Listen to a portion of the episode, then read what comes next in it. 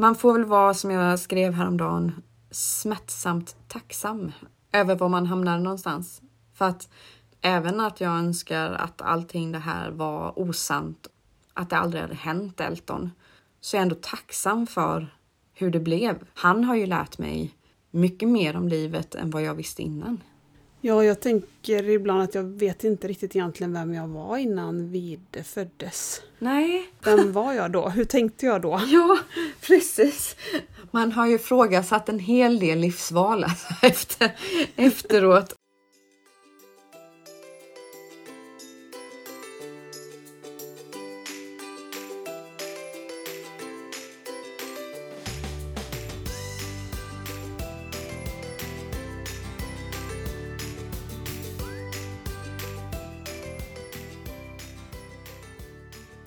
Du lyssnar på Nordlyckans podd avsnitt 37.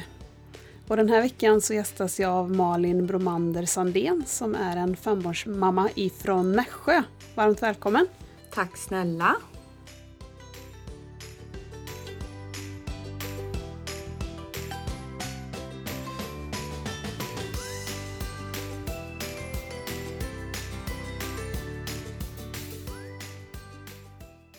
Ni ska snart få höra Malins historia. Men först vill jag berätta att ni från och med nu kan sponsra podden genom sidan Patreon.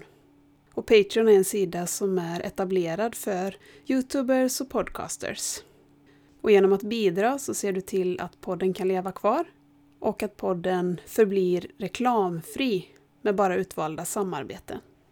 Du kan betala från 10 kronor i månaden och i utbyte så kommer du inom kort få tillgång till exklusiva avsnitt med funkisfakta. Och avsnitten kommer finnas inne på Nordlyckans sida på Patreon. www.patreon.com Nordlyckan. Nu kommer Malin.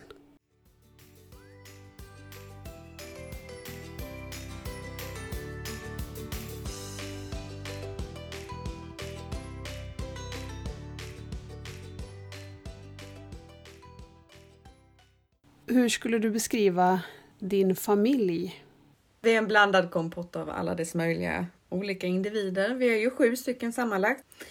Jag har fem barn, mellan två och tolv. En liten grabb på tre och ett halvt med fler funktionshinder. Elton då som har funktionsnedsättningar, han är näst yngst, visst är det så? Ja, han är näst yngst. Sen så har han en lilla syster med som är två år. Och du har ju på olika sätt berättat er historia. Du har ju dels ett Instagramkonto men även varit med i tidningar och tv och gästat andra poddar och så också. Ja, precis. Och vad är det som gör att, att du har valt att vara så öppen med er historia? Jag undrar det själv ibland faktiskt. Det har funnits tillfällen då jag har eh, undrat om jag är modig eller om jag är dum. Men när Elton blev sjuk så hade jag svårt att hitta en mening med vad som hade hänt och en mening med hur livet blev, en mening med hur livet inte blev. Den enda insikten jag fick var att om det här ska vara meningslöst så måste det bli meningsfullt för någon annan. Det får liksom inte hända igen om det går att förhindra. Elton är ju för och att rädda och det, han går inte att laga men det går att förhindra att det händer igen. Det gav lite tröst i allt det här hopplösa och meningslösa framför allt. Och sen var det rätt jobbigt att hålla på och eh, hymla med och när folk frågade vad som hade hänt Elton så blev man Ja, det blev obekvämt. Det slutade med att jag och Kalle stod och bara tittade på varandra och undrade vad, vad ska vi säga? Det var bara lättare att lyfta på locket liksom. Så här är det. Lägga fram korten på bordet att det, det är det här som har hänt. Nu har vi inte kommit in på än vad det är som har hänt Nej. Elton, men vad har du fått för typ av reaktioner på den här öppenheten? Överhängande positivt. Jag har fått jättemycket kärlek och jättemycket pepp. Ofta är det att man är stark och man är modig och men sen så har det ju funnits några sådana här rötägg på nätet. Eller troll, jag vet inte. Jag hoppas på att det är troll i alla fall. Det hade varit lättare om det vore det än om det vore faktiskt en fysisk människa bakom skärmen med eh, åsikter som stämmer överens med vad de skriver. Jag har fått en hel del hat i form av att eh, jag inte borde fått ta med mig Elton hem, att jag borde steriliseras. Jag har fått kommentarer om att Elton borde avlivas. Jag har fått kommentarer om att jag inte borde få ha några barn alls, att jag är smutsig, äcklig. Det är synd om mina barn för mitt levande skull. Det är också en blandad kompott av, eh, av hat och det är mycket enklare att ta till sig de kommentarerna än vad det är att ta åt sig all kärlek man får, konstigt nog. Jag tror det här eh, som har hänt Elton, det blir ju lite mer utsatt. Det gör mig till ett lätt mål. En skada som hade kunnat undvikas liksom. Så det kan ju ha med det att göra. Man blir ett enkelt mål. Det finns något konkret att ta på. Det är tragiskt för jag har fått så många DMs liksom från, ja nu har vi fortfarande inte kommit in på vad som hände Elton då, men jag har fortfarande, jag har fått jättemycket DMs från kvinnor i hela Norden faktiskt som eh, har fått barn med liknande skador då och deras närmsta väninnor vet inte om vad som har hänt deras barn. Vad var det som hände med Elton när han föddes? Elton föddes lite för tidigt. Han föddes vecka 30. Där han hamnade på neo-intensiven då på grund av sin späda ålder. Och han vägde bara 1500 gram och han blev tvungen att matas via en sond och lite sånt där. Men han var pigg och han var stark och han var klar i blicken och allt det där. Men dag 11 så såg jag en blåsa på hans näsa och han började pulsdippa och eh, för att göra en väldigt långdragen historia väldigt kort så hade Elton drabbats av någonting som heter herpesencefalit. Det innebär egentligen att han har fått herpes av mig vid förlossningen och den här herpesinfektionen har spridit sig till hjärnan och orsakat en inflammation där.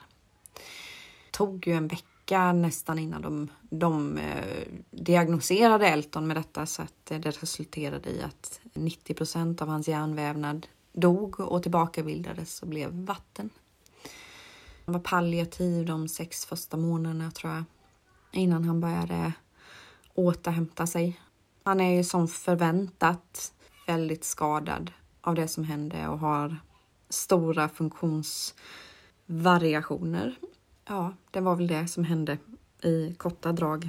Men hade den här herpesinfektionen som du hade, hade det någon koppling till att han föddes för tidigt eller är det två skilda saker? Det är två skilda saker. Alltså mitt vatten gick i 29 plus 4 av någon anledning. Till saken hör att jag, jag är koniserad för cellförändringar innan alla de tre sista graviditeterna. Eltons storebror fick de eh, nästan ta sönder livmodertappen då när han föddes för att den var så ärrad. Så att man vet inte om det här, det här ingreppet då när de fick ta sönder lite av ärrvävnaden på livmodertappen när jag väntade hans storebror, att det kunde ha gjort någonting, att jag fick försvagad livmodertapp av någon anledning och vattnet gick. Det är ingen som vet riktigt säkert. Och har någon av de andra barnen kommit för tidigt? Ingen av dem. Nej. Nej det är bara Elton. Ja, ja Linnell då efteråt. Eh, såklart. Så nej, det, det, de två sakerna hör ju inte ihop. Nej. Men det blev en olycklig slump eller en tillfällighet för att hans prematura ålder, alltså att han var född så pass tidigt, det var både en för och nackdel. Nackdelen är att han, han inte får några antikroppar från mig, vilket egentligen betyder att han hade inget skydd alls. Och fördelen med det var att hjärnan är så ofärdig den veckan så att plasticiteten i hjärnan är mycket högre, vilket antagligen gjorde att han överlevde. Så det är mycket så här plus minus. Och vad var det som gjorde att det tog så många dagar innan han fick den diagnosen? Det är ju osäkert liksom för att vi var, vi var på dem mycket. Det, jag var på dem så mycket där inne att jag, jag slutade gå in till slut. Det var så himla obekvämt för att jag blev tittad på som att jag hade blivit knäpp, att jag hade åkt på en förlossningsdepression eller någonting för att Varenda gång jag såg Elton så sa jag att det, det var något fel. Det är någonting som inte stämmer med honom och så fort vi tar i honom så, så slutar han ju andas. Det, det, det här kan ju inte vara som det ska. Jag började själv fundera på om det hade blivit någonting, att jag hade åkt på någon förlossningsdepression eller... Det var en superjobbig känsla. Till slut, dag sex tror jag det var, så gick jag in till sköterskan och frågade om trodde att det kan vara herpes för att jag vet att jag är bärare av herpes, men jag, jag har aldrig känt av att jag, inte då hade jag inte känt av att, att jag hade något utbrott, något aktivt. Jag hade inga känningar av det eller och då började hon se nervös ut och sa att hon skulle ta upp det här med läkaren på ronden och på den vägen var det. Det tog ju inte lång tid innan de kollade upp det här och det visade ju positivt direkt. Och vad hade man kunnat göra annorlunda för att skydda honom från den infektionen? För att skydda honom då hade det antingen varit då om det hade upptäckts att jag hade ett eh, utbrott, då hade man kunnat ge mig antivirala mediciner innan förlossningen för att dämpa virusutsöndringen. Och hade man sett under förlossningen att jag hade någonting som inte är behandlat, då ska man ju snittas liksom. Mm. En del har, jag vet att en del gynläkare tycker att man ska tejpa blåsor som syns då så att det skulle vara mindre risk på något sätt. Jag anser ju att man eh, utsöndrar väl virus på mer ställen än utsidan. Man kan ju liksom inte tejpa inuti. Sen eh, är det skalpelektroder med har ju varit en eh, diskussion för sig när det gäller det här med herpes och födande. Elton fick en skalpelektrod när han föddes och eh, det gav ju viruset en fri passage in i och med att det blir ett litet sår på skalpen. Det finns flertalet åtgärder man hade kunnat göra för att undvika att det skulle bli sådana här katastrofala följder. Själv visste jag inte om då att det var någon fara och jag kände inte av någonting heller. Så att det, det liksom fanns inte på kartan utan allting handlade ju egentligen om att han föddes så pass mycket för tidigt. Det blev så mycket fokus på det liksom. Vad blev det för skillnad då när lilla syster föddes? Oj, jag fick medicin från vecka 20 och visuella kontroller så fort jag bad om det. Hon är ju född i vecka 32 det var ju samma, samma resa där egentligen. Vattnet gick och jag lades in. Sen när hon föddes så låg hon ju inne på neo och de eh, gjorde ju på vår, vår önskan då tre test på herpes på henne. Den gången gjorde de ju precis allt för att det inte skulle hända igen och för att vi skulle känna oss trygga framför allt för att att det skulle hända igen. Det är ungefär som att blixten slår ner på samma ställe två gånger, men hellre hängsle och livrem.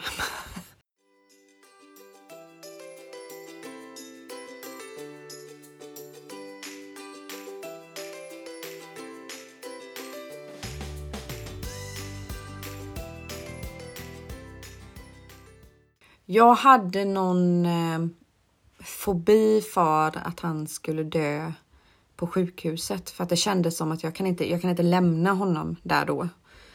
Det skulle kännas lättare om vi åkte hem och han dog hemma för då, då är han på sätt och vis kvar där. Där han hör hemma och så hämtar någon skalet av honom bara. Det är såna här konstiga idéer jag har fått för mig. Den, just den grejen kanske inte är så konstigt att man vill ha hem sitt barn. Men mycket tankegångar som sätts igång när man, när man hamnar i den här processen.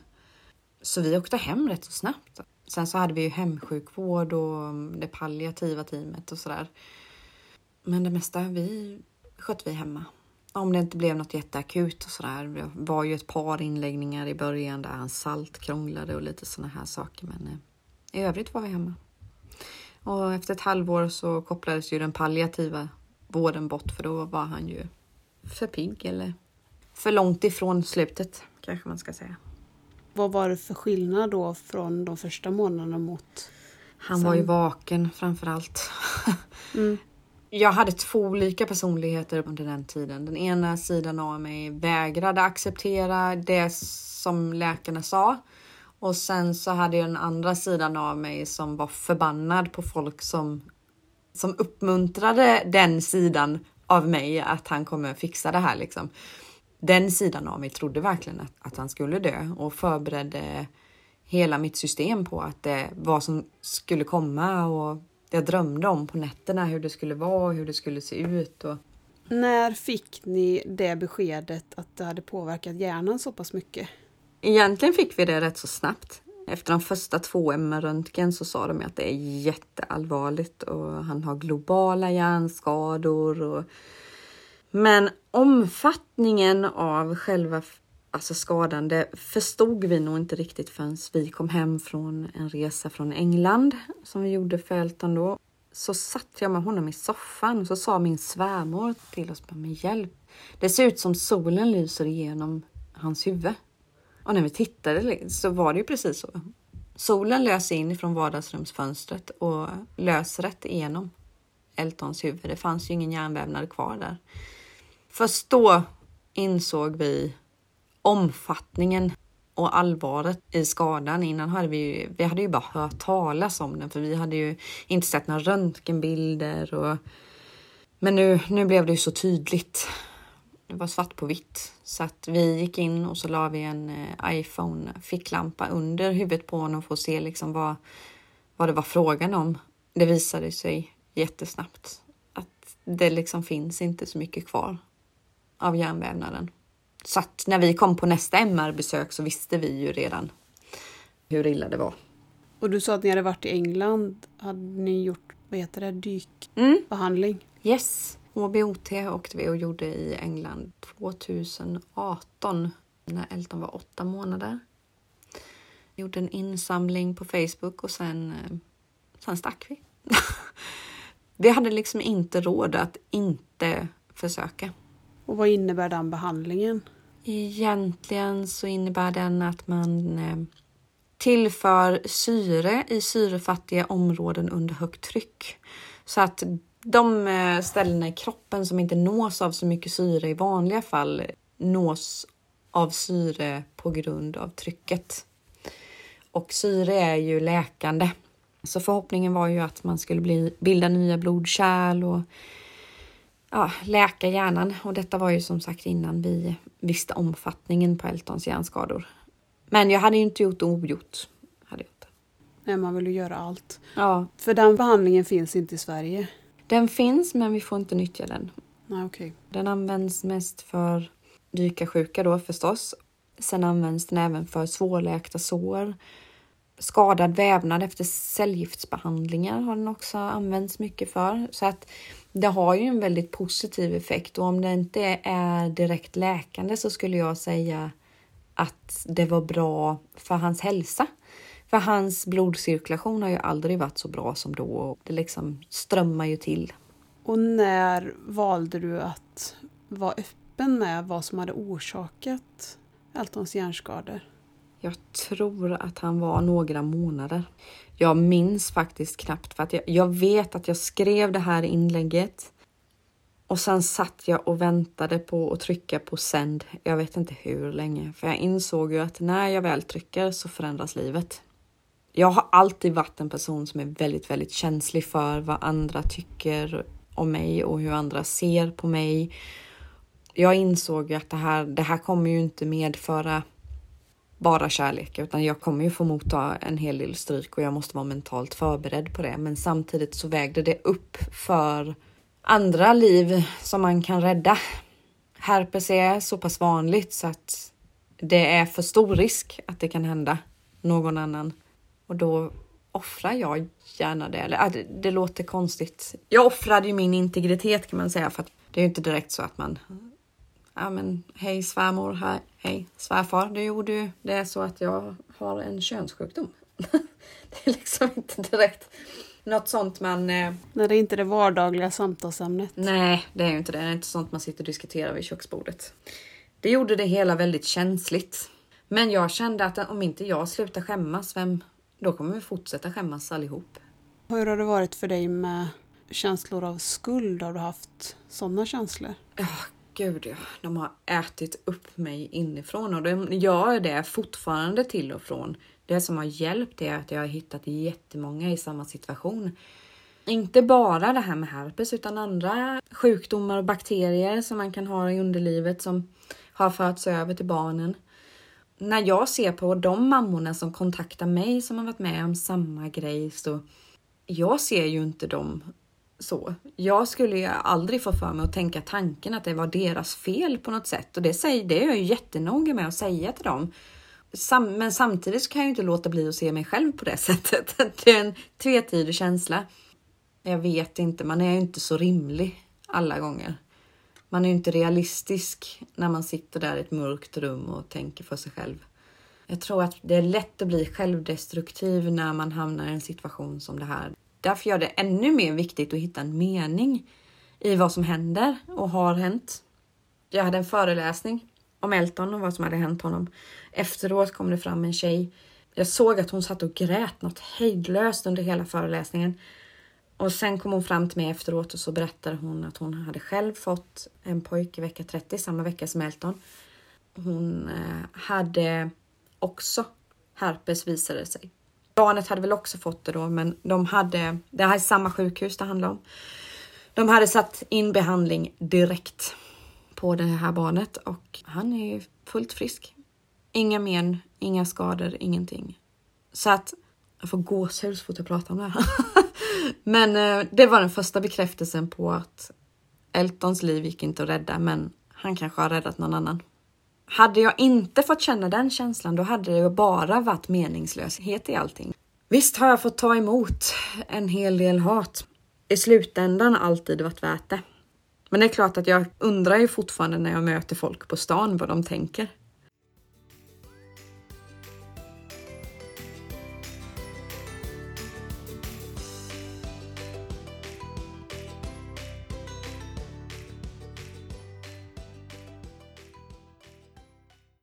Har du ångrat dig någon gång att du tänkt att jag skulle nog inte ha berättat det ändå?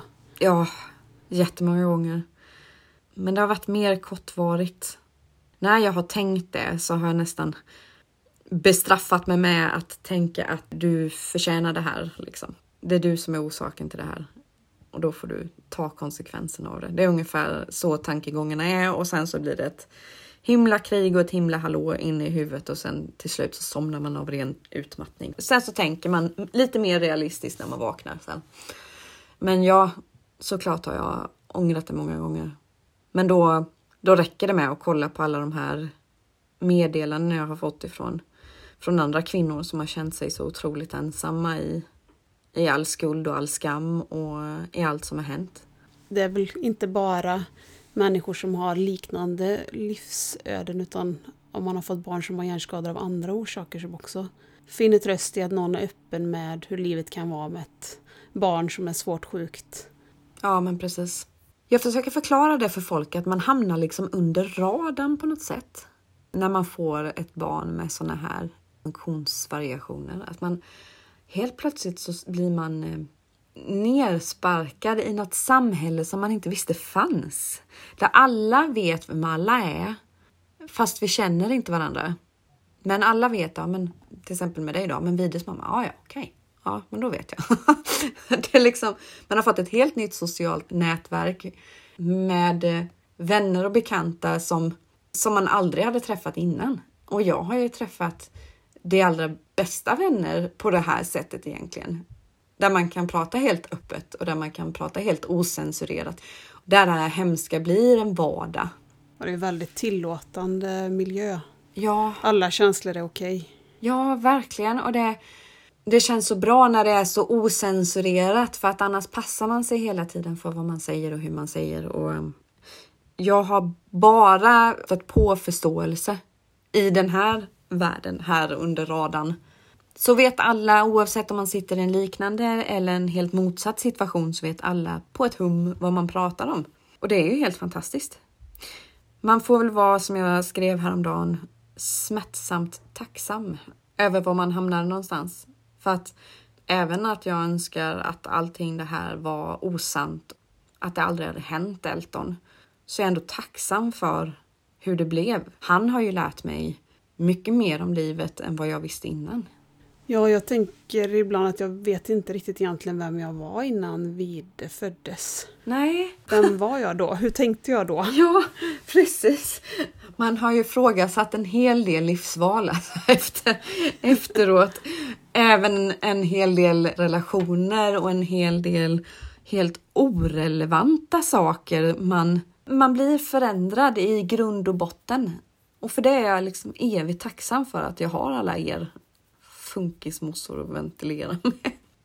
Jag har ju en far som har eh, funktionsvariationer sedan en stroke som han fick när han var 47.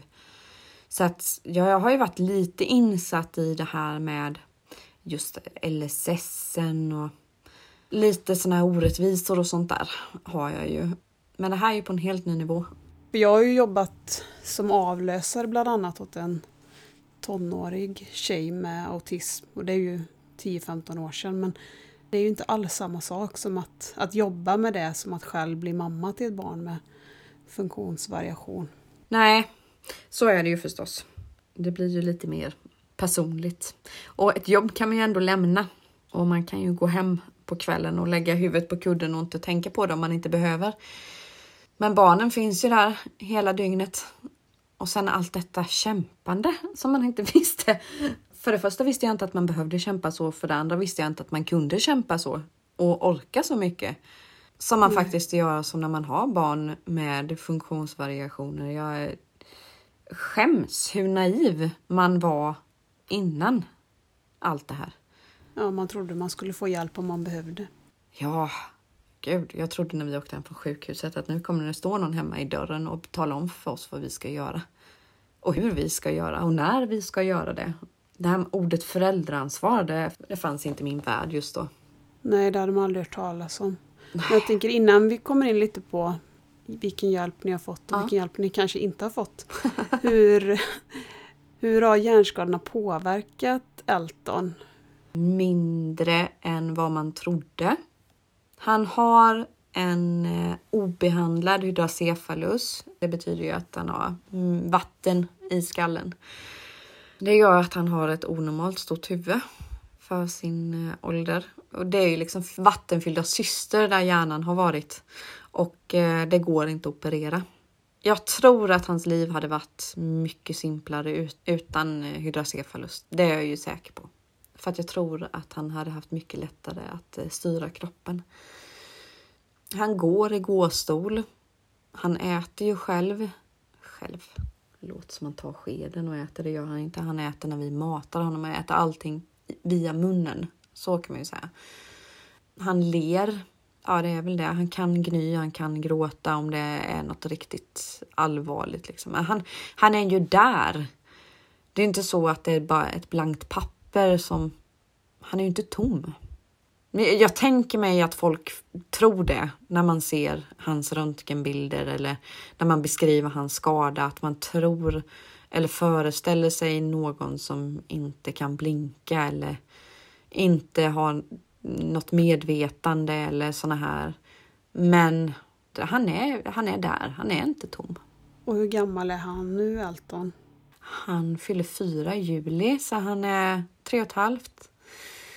Det är ungefär tre år och tre månader mer än vad de trodde han skulle bli. Mm. Så han kämpar på. Så jag tror att man fixerar sig väldigt mycket vid hur, hur hjärnor ser ut och hur vi ser ut inuti. Liksom. Men jag tror inte att det, det måste finnas något mer än så. För de sa till oss att hans, allt det som skulle vara hans personlighet är, är borta. Sa de. Men jag tänker då måste det ju vara så att det kan inte sitta i hjärnan, det här med personlighet, utan det måste ju sitta i själen. På något höger, på något vänster. Det känns Jag så. såg det inlägget, vi skrev ett inlägg om detta. Ja. Man kan ju fråga sig varför en läkare ska säga det överhuvudtaget. Ja, för att det satte ju griller i huvudet på oss. Jaha, men hur, det är ungefär som att tänka på, jag har också skrivit det inlägget, men det är ungefär som att tänka på att rymden aldrig tar slut. Det blir bara, det snurrar bara runt, runt, runt. Man får inte grepp om det. Hur är man utan personlighet? Då? Är man utan personlighet? Eller vad är en personlighet? det, det är komplexa frågor, men eh, det är komplexa svar också. De kan ju bara säga egentligen vad som förväntas, inte hur det blir. Det var jag väldigt fixerad vid. Minns jag när Eltons, när det stod fast att Elton hade hjärnskador. Jag satt och googlade och jag instagrammade och jag hittade eh, mamma efter mamma med barn som hade funktionshinder. Jag försökte likna Elton vid barn. Är det så här han kommer bli? Är det så här han kommer bli? Hur stora hjärnskador har det här barnet? Och sen så till slut så inser man att men alltså de är ju lika mycket individer som barn utan några skador på hjärnan. allt är individuellt. Alla gillar inte fotboll, alla äter inte köttbullar. Det är så himla olika. Men jag själv placerade Elton och alla andra barn med hjärnskador i något fack märkte jag. Där kom ju det som jag trodde innan in, att alla funkar på samma sätt. Och det är så fel det bara kan bli. Och det gör ju också att läkarna har. De, har ju fel, de kan ju inte säga någonting. De, eh, de vet ju inte. Och där har våran neurolog varit jättebra faktiskt, för han har varit jättenoga med att säga att vi... Jag säger ingenting, sen. För jag vet inte. Jag har träffat barn med, som kommer hit och har levt ett helt liv precis som alla andra och så får de ett EP-anfall när de är tonåringar och så kommer de hit och vi gör en, eh, en röntgen på hjärnan och då har de bara en hjärnhalva. Men de har funkat precis som alla andra. De har lärt sig precis allt som alla andra. Så han sa det, det går inte att säga. Hjärnan är så plastisk. Neurologen har vi ju alltid haft tillit till. Det är skönt när det finns någon sån person som man känner så inför. Ja, han var ju likadan. Det var det här med när vi åkte till England. Han var toppenbra. Han sa jag hade också åkt. Så. Det får jag inte säga, mm. men jag hade åkt, också åkt.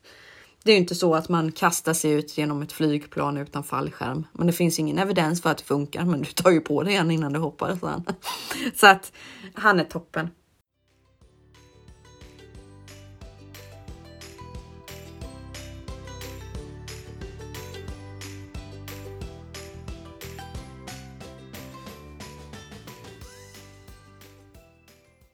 Hur tänker du när du tänker på Elton och på framtiden? Vågar du tänka sådana tankar? Till och från vågar jag tänka sådana tankar. Ibland, ibland tänker jag på när han sitter i, i våra knän och äter till exempel. Så tänker jag, oj gud, det här börjar bli tungt. Det här kommer inte funka när han är tonåring. Men precis när jag tänker den tanken så är det som någon knackar mig på insidan av huvudet och bara, hallå, nu får du nog bromsa lite, var inte, var inte där framme. Det är inte säkert att Elton blir tonåring. Det är inte säkert att han blir så mycket större. Det känns som att man är delad i två, alltid. För en, det är väldigt stark pessimist och en väldigt stark optimist i mig hela dygnet egentligen. Så att ibland så tänker jag på framtiden och då tänker jag, jag tror inte att han kommer utvecklas så mycket mer än vad han har gjort. Men jag tänker ändå om framtiden och hur bra det kommer bli och och sen kommer pessimisten i mig som försöker förbereda mig på alltså den smärtan som kommer med när det inte går längre. Och påminner mig om att vi ska bara tänka dag för dag. Och har han blivit svårt sjuk, Elton, från att han inte var palliativ längre? Han fick lunginflammation en gång förra året. Då var det jobbigt. Vi visste inte riktigt hur det skulle sluta. Det var precis innan covid kom. Det var i februari någon gång. Men sen, nej, det det har handlat om det är hans autonoma funktioner som har en tendens att lägga av ibland, men sen kickar de igång igen. Vi vet inte riktigt vad som är vad och hur det kommer sig, men det kan till exempel vara då att hans temperatur går ner och så går den ner kanske två veckor i sträck och lägger sig runt 34 grader och under. Och sen helt plötsligt så är tempen normal. Men då är det kanske pulsen som skenar istället i två veckor. Sen så blir pulsen normal och då är det magen som krånglar i två veckor. Så att det har varit en gång när han fick lunginflammationer men sen har han klarat sig konstigt nog. Vi har egentligen inte haft mer än ett, kanske två veckors inläggningar sammanlagt. Ja, han är stark. Ja, han förvånar oss alla.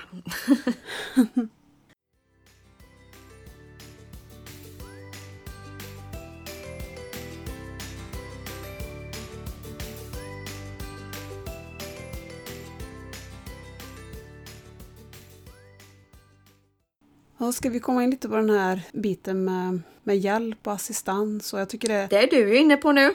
Ja, jag tycker att det är lite jobbigt att prata om. för att det blir lite sån här... Vi kan hamna i samma läge, att man har rätt till hjälp men inte får den. Ja, jag förstår. Det är horribelt. Men om du försöker ta det från början, när bad ni om hjälp först? Jag tror att Elton var runt året när vi eh, ansökte om assistans först. Avlösning fick vi ju rätt så tidigt beviljat. Men eh, premisserna var ju att det skulle vara hemtjänstpersonal som skulle utföra detta. Och att han inte fick lämna huset. Men vi fick inte vara hemma heller, så var det. Så vi började fundera på vad ska vi ta vägen när vi har avlösning? Ska vi åka in till Nässjö centralstation och ta en kaffe på 7-Eleven eller vad, vad gör vi fyra timmar? Om vi inte får vara hemma. De där reglerna har man hört förut att vissa kommuner har. Jag förstår mig inte på det. Nej, inte jag heller. Skulle vi slappna av mer om vi sitter inne på en parkbänk i stan än om vi får gå och lägga oss i våra egna sängar? Jag förstår inte heller. När man inte får göra vad man vill med sin tid. Ja, det är precis som att man eh, blir fängslad. Inte bara barnet utan föräldrarna med. Och sen var det det här med hemtjänstpersonal. Vet, vi hade ju knappt lärt oss Elton och så tyckte de att hemtjänstpersonal kunde komma och passa honom då de här timmarna. Och det, de kunde ju inte garantera samma personal varje gång heller. Det gick ju inte. Utan det fick vi bara rätta oss efter. Så att då sa vi faktiskt nej. Vi tackade nej till avlösning. Vi sökte det här med assistans men fick ju det här kastat tillbaka om föräldraansvar i ansiktet hela tiden. I efterhand så kanske jag kan förstå det här med föräldraansvar och ett år. Samtidigt så har jag svårt att förstå hur de jämför ett barn likt Elton eller någon annan med funktionsvariationer med en eh, till synes frisk ettåring. Vi fick avslag fram tills han var två och ett halvt kanske. Men sökte ni både till kommunen och Försäkringskassan redan från början? Ja, det var kommunen. Andra mm. vevan var Försäkringskassan och kommunen. Då skickade vi iväg två stycken samtidigt och då fick vi mer tid på Försäkringskassan än kommunen. Men den här kommunen är också känd för att vara helt horribel när det gäller sådana här saker. Och andra vevan där så fick vi också avslag. Då fick vi fyra timmar och 20 minuter och för att få ett kommunalt beslut måste man ha typ åtta. I den vevan så kräktes ju Elton dygnet runt. Varje måltid, varje gång han fick en uppstötning. Han spydde ju jämt. Och de tyckte liksom att det var jämförbart med ett barn utan de här bekymren. Vi duschade ju honom jämt. Alltså. Vi, vi hade honom alltid i, i duschen och vi blev tvungna att själv duscha också för att han krampade på britsen vi hade fått. Försäkringskassan gav oss 11 timmar eller någonting. Det tar ju en timme att mata Elton varje gång på grund av att han har en. Vi fick träna upp hans fälgreflex när han var bebis. Vi satt och droppade bröstmjölk i munnen på honom för att han skulle lära sig svälja igen.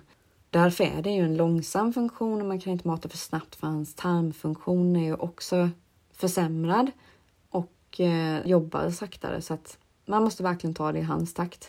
Men det tyckte de också var jämförbart med andra barn i hans ålder utan variationer. Det har varit helt horribelt, alltså allt från bostadsanpassning till avlösning till LSS jag kan säga att sista vevan nu med, med det här med assistansen så var vi på väg att ge upp. Då hade vi fått avslag från kommunen. Nej, det fick vi inte. Vi fick 30 timmar ifrån kommunen i veckan. Det vill säga ungefär fyra timmar per dygn. Och ni hade sökt dygnet runt? Ja, vi hade sökt dygnet runt. Fick fyra mm. timmar. Jag bara, ni kan behålla de där fyra timmarna för de gör det ju bara värre. För vi fick ju bara för beviljat för vissa insatser också typ 20 minuter per måltid. Vem kommer hit och matar Elton i 20 minuter sen åker härifrån? Alltså, det är ju inte, det är ju inte hållbart. Vi överklagade till Försäkringskassan eller till förvaltningsrätten och fick avslag därifrån också. Den här vevan hade det ju precis kommit en ny lag om att andning och sondmatning ska vara ett grundläggande behov.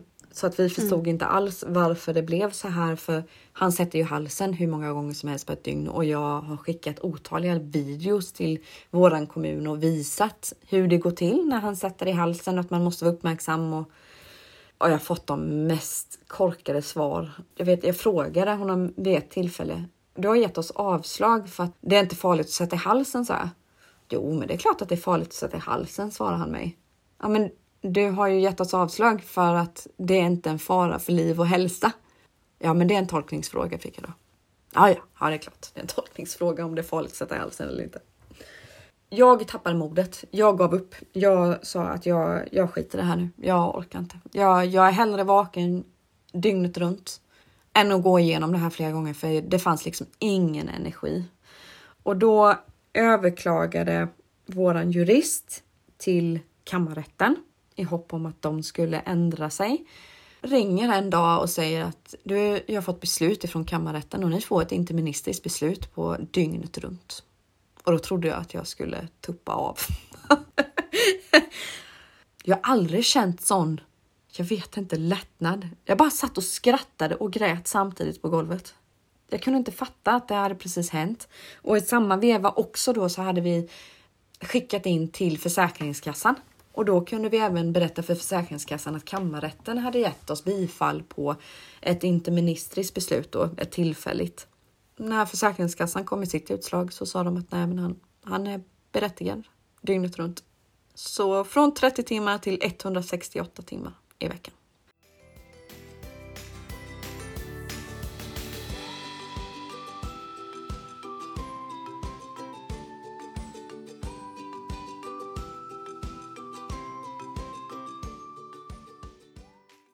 Det är speciellt att ha assistans. Trots att man är väldigt, väldigt tacksam att man har det så är det väldigt, väldigt, det är väldigt speciellt att ha folk här hemma hela dygnet och jag skulle ju aldrig gjort det om vi inte hade behövt. Hur har ni valt att göra? Tar ni timmar själv eller har ni alltid personal? Jag jobbar vissa nätter just för att vi ska få lite ensamtid där bara familjen är, är samlad och då är det lättast att göra det från åtta då på kvällen när jag börjar. Plus att jag inte behöver släppa någon kontroll på Elton så som jag hade behövt om jag hade gått tillbaka till ordinarie arbete.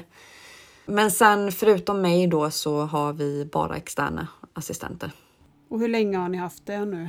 Är det sedan december tror jag. Ja, det är ju ganska nytt fortfarande då. Ja, och det har varit en jättelång inskolningsperiod och allting ska sitta och så har Elton har varit lite krånglig. Han tål inte så här nya omställningar utan man måste vara jätteförsiktig med nya personer och sånt där. Det har ju tagit väldigt lång tid så att det är ju först nu för ett par veckor sedan som jag kände att jag började slappna av eller så. Det blev ju lite som en envis migrän att när man väl satte sig ner då kom det ju som en blixt eller som ett brev på posten att man blev dyngtrött och förstår inte hur sjutton man har kunnat hålla sig vaken fram tills nu. Och man har tid att ge saker och ting nytt ljus och nya perspektiv. Och man inser vad som har hänt de senaste tre och ett halvt åren.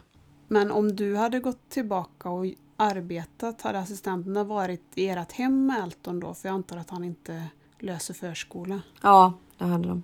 Mm. De tyckte att han skulle gå på en, de har en jättefin anpassad förskola här i den här kommunen. Faktiskt, det är väl det positiva jag har att säga funktionshindersmässigt. Men de har en jättefint anpassad eh, förskola med toppenpersonal som är jättevan vid eh, alla dess möjliga olika funktionsvariationer och de har sinnesrum. Och... Men eh, Elton är ju liksom inte anpassad för en sån miljö. Han klarar inte av det. Dels infektionsmässigt och sen dels det här med att byta miljöer för då tappar han ju temp direkt. Så då hade det varit så hade han varit hemma i alla fall. Mm. Det är här han mår bäst. Ja, och då förstår jag också att man gärna vill vara mm. hemma. För för oss blir det ju lite annorlunda. Vi kommer ju söka assistans alla timmar vid det hemma men inte de timmar han är på förskolan. För där har han ju en fantastisk resurs. Att vi vill ju inte släppa henne utan han ska ju såklart gå på förskolan. Men det ja. blir ju en helt annan situation. Men vad har ni sökt på nätterna med eller har ni bara sökt på kvälls? Ja, vi har ju inte sökt än för att eh, det är ju det här att bestämma sig för vilket bolag man vill ta hjälp av. Ja, just det. Ja. det jag har den. ändrat mig några gånger också. ja, men det är bäst att ha sitt på det torra. Ja, nej, men det var väl när vi fick hem, eh, när man ska skriva på och då tyckte inte jag att villkoren var så bra. Så vi har försökt förhandla. Aha. Det gick inte så bra och då bytte vi bolag då. Så att de som vi hade bestämt oss för från början har vi ångrat oss nu. Ja, men det är bra att ni gjorde det innan tänker jag. Mm. Det hade ju alltid gått att byta sen. Men nu ja. har vi fått tips om en duktig jurist och då tänker vi att det viktigaste är att vi får assistans beviljad Det är A och O. Juristen och läkarintygen, det är ju de som spelar mm. roll. Vattentätt ska det vara för att det, vi fick ju inte assistans för att det inte stod att det var farligt att sätta i halsen, du vet. Så att vi blev tvungna att ringa upp läkaren och bara du, skulle du kunna skriva till lite i det här intyget du skrev till oss? Det ska även stå nämligen att det är farligt att sätta i halsen, att man kan dö av det. Ja, det är ju sådana och det är ju därför man inte ska göra de här sakerna själv. För att det är ju risk att man råkar snubbla på orden och säger något som man kan tolka. Nej, men det gäller att hitta ett bolag man är, är nöjd med. Och jag har ju på, hållit på och jagat intyg för det är ju också en process. Och så pratade jag med den här nya juristen för jag trodde att vi var i mål med intygen nu. Men då var vi ju inte det utan det var några egenvårdsintyg jag aldrig hört talas om innan. Ah, de är viktiga. De spelar roll. Ja, det gör de säkert. Nej, jag vet knappt heller. Läkarna, de sitter ju, du vet, och... Ja, jag vet inte. Jag kan säga att vår läkare har nog hållit på att säga upp sig ett antal gånger. Jag vet att någon gång sa han, jag skiter i det, jag skriver inte ett enda intyg till. Så han, ge mig hennes telefonnummer så ringer jag istället. Hur svårt ska det vara? Ja, det ska inte vara lätt i alla fall. En sak som är säker.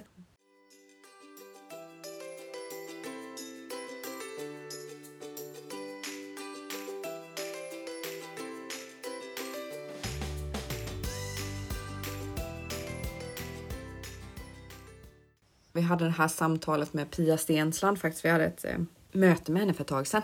Då hade vi precis blivit beviljade när hon hörde av sig till oss. Och Pia Stensland är ju talesperson för funktionshinderfrågor i Kristdemokraterna. Och vi pratade med henne om det här och sa var, varför är det precis som att folk tror att man är ute efter en barnvakt? Vi är ju bara helt vanliga familjer som vill leva helt vanliga liv men behöver hjälp för att kunna göra det. Ingen av oss är ute efter att bli av med våra barn. Vi vill bara ha avlastning liksom. Vi, vi behöver kunna fokusera på våra andra barn och oss själva och, och hålla ihop familjen. Alltså likadant, för vi var också ut, utvalda faktiskt av regeringen i den här eh, regeringens nya utredning Stärkt assistans.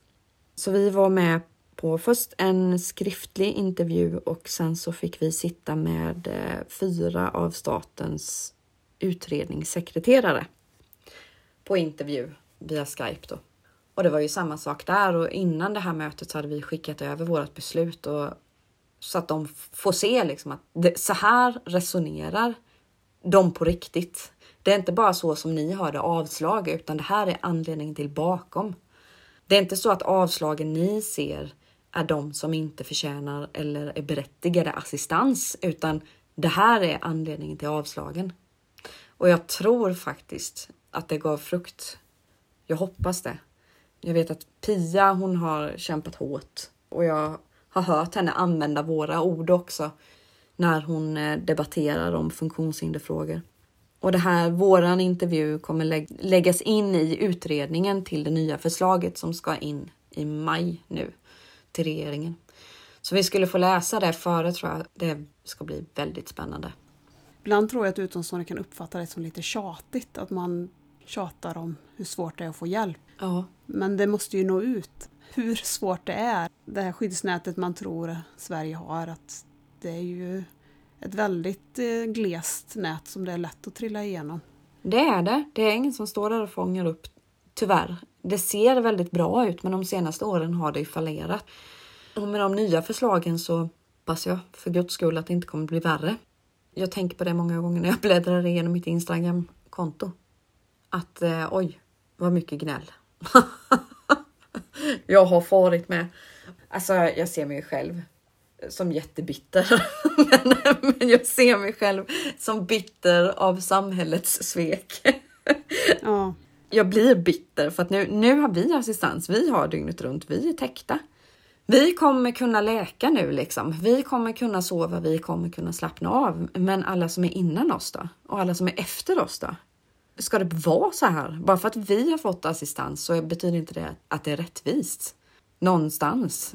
Nej, för jag tror att ni fick något av de här avslagen när vi började fundera på detta från första början. Mm. Och då tänker man så här att om inte Elton får assistans, då känns det ju fånigt att jag tror att Vide ska få assistans. Alltså man jämför ju ändå Ja, behoven. Då tänker man att det är ju ingen idé. Nej, men sen som sagt, det hänger mycket på vattentäta läkarintyg. För att hittar de ett kryphål så tar de det. Det handlar inte om att du inte berättigar assistans om du får ett avslag. Det handlar om att de har hittat ett kryphål liksom. Ja. Att lyckas smita undan på något sätt. Och sen kan det ju vara så att om du har ett barn som har väldigt svåra funktionsnedsättningar som kanske inte har så mycket kommunikation så kan de slå av det helt. Och då kan det vara bättre att ha ett barn som har lite mer förmåga. För Då Mm. kan man få mer tid på till exempel kommunikation. Ja, Det är ju inte att desto större svårigheter, desto fler timmar kommer du få. För så funkar ju inte systemet heller. nej, ibland. Jag fick nästan för mig ibland att de tänker att Elton är skitsamma lite. För man, ja, men han förstår inte i alla fall. Ungefär. För att hans funktionshinder är för stora för att få hjälpen. Jag hoppas verkligen att, att omvärlden får upp ögonen. Så som du och jag bittert har fått erfara den hårda vägen. Om hur det verkligen funkar. För att vi behöver ju... Det räcker inte med din historia, det räcker inte med min historia, det räcker inte med någon annans historia utan vi måste ju stå stadigt tillsammans för att vi ska höras. En historia hörs ju inte. I ett helt land så hörs inte jag. Och vi är en minoritet, så är det ju. Och jag vet själv, när man inte satt i den här situationen, då hade man ju inget tvång. Och då var det lätt att blunda. Det var enklast så, att blunda. För att man skulle ju inte hamna där själv. Men eh, nu inser man ju att man, det här händer ju faktiskt.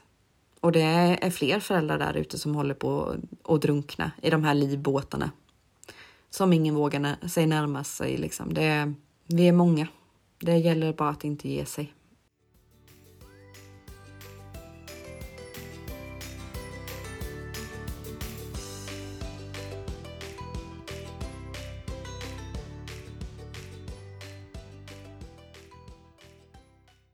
Det är så svårt att sammanfatta liksom tre och ett halvt år bara på en timme. Men Ja, som sagt, tre och ett halvt år är svårt att sammanfatta på en timme. jag pratar ju om våran vardag varannat avsnitt. Ja. Jag brukar inte hinna sammanfatta de två veckorna på en timme. Så.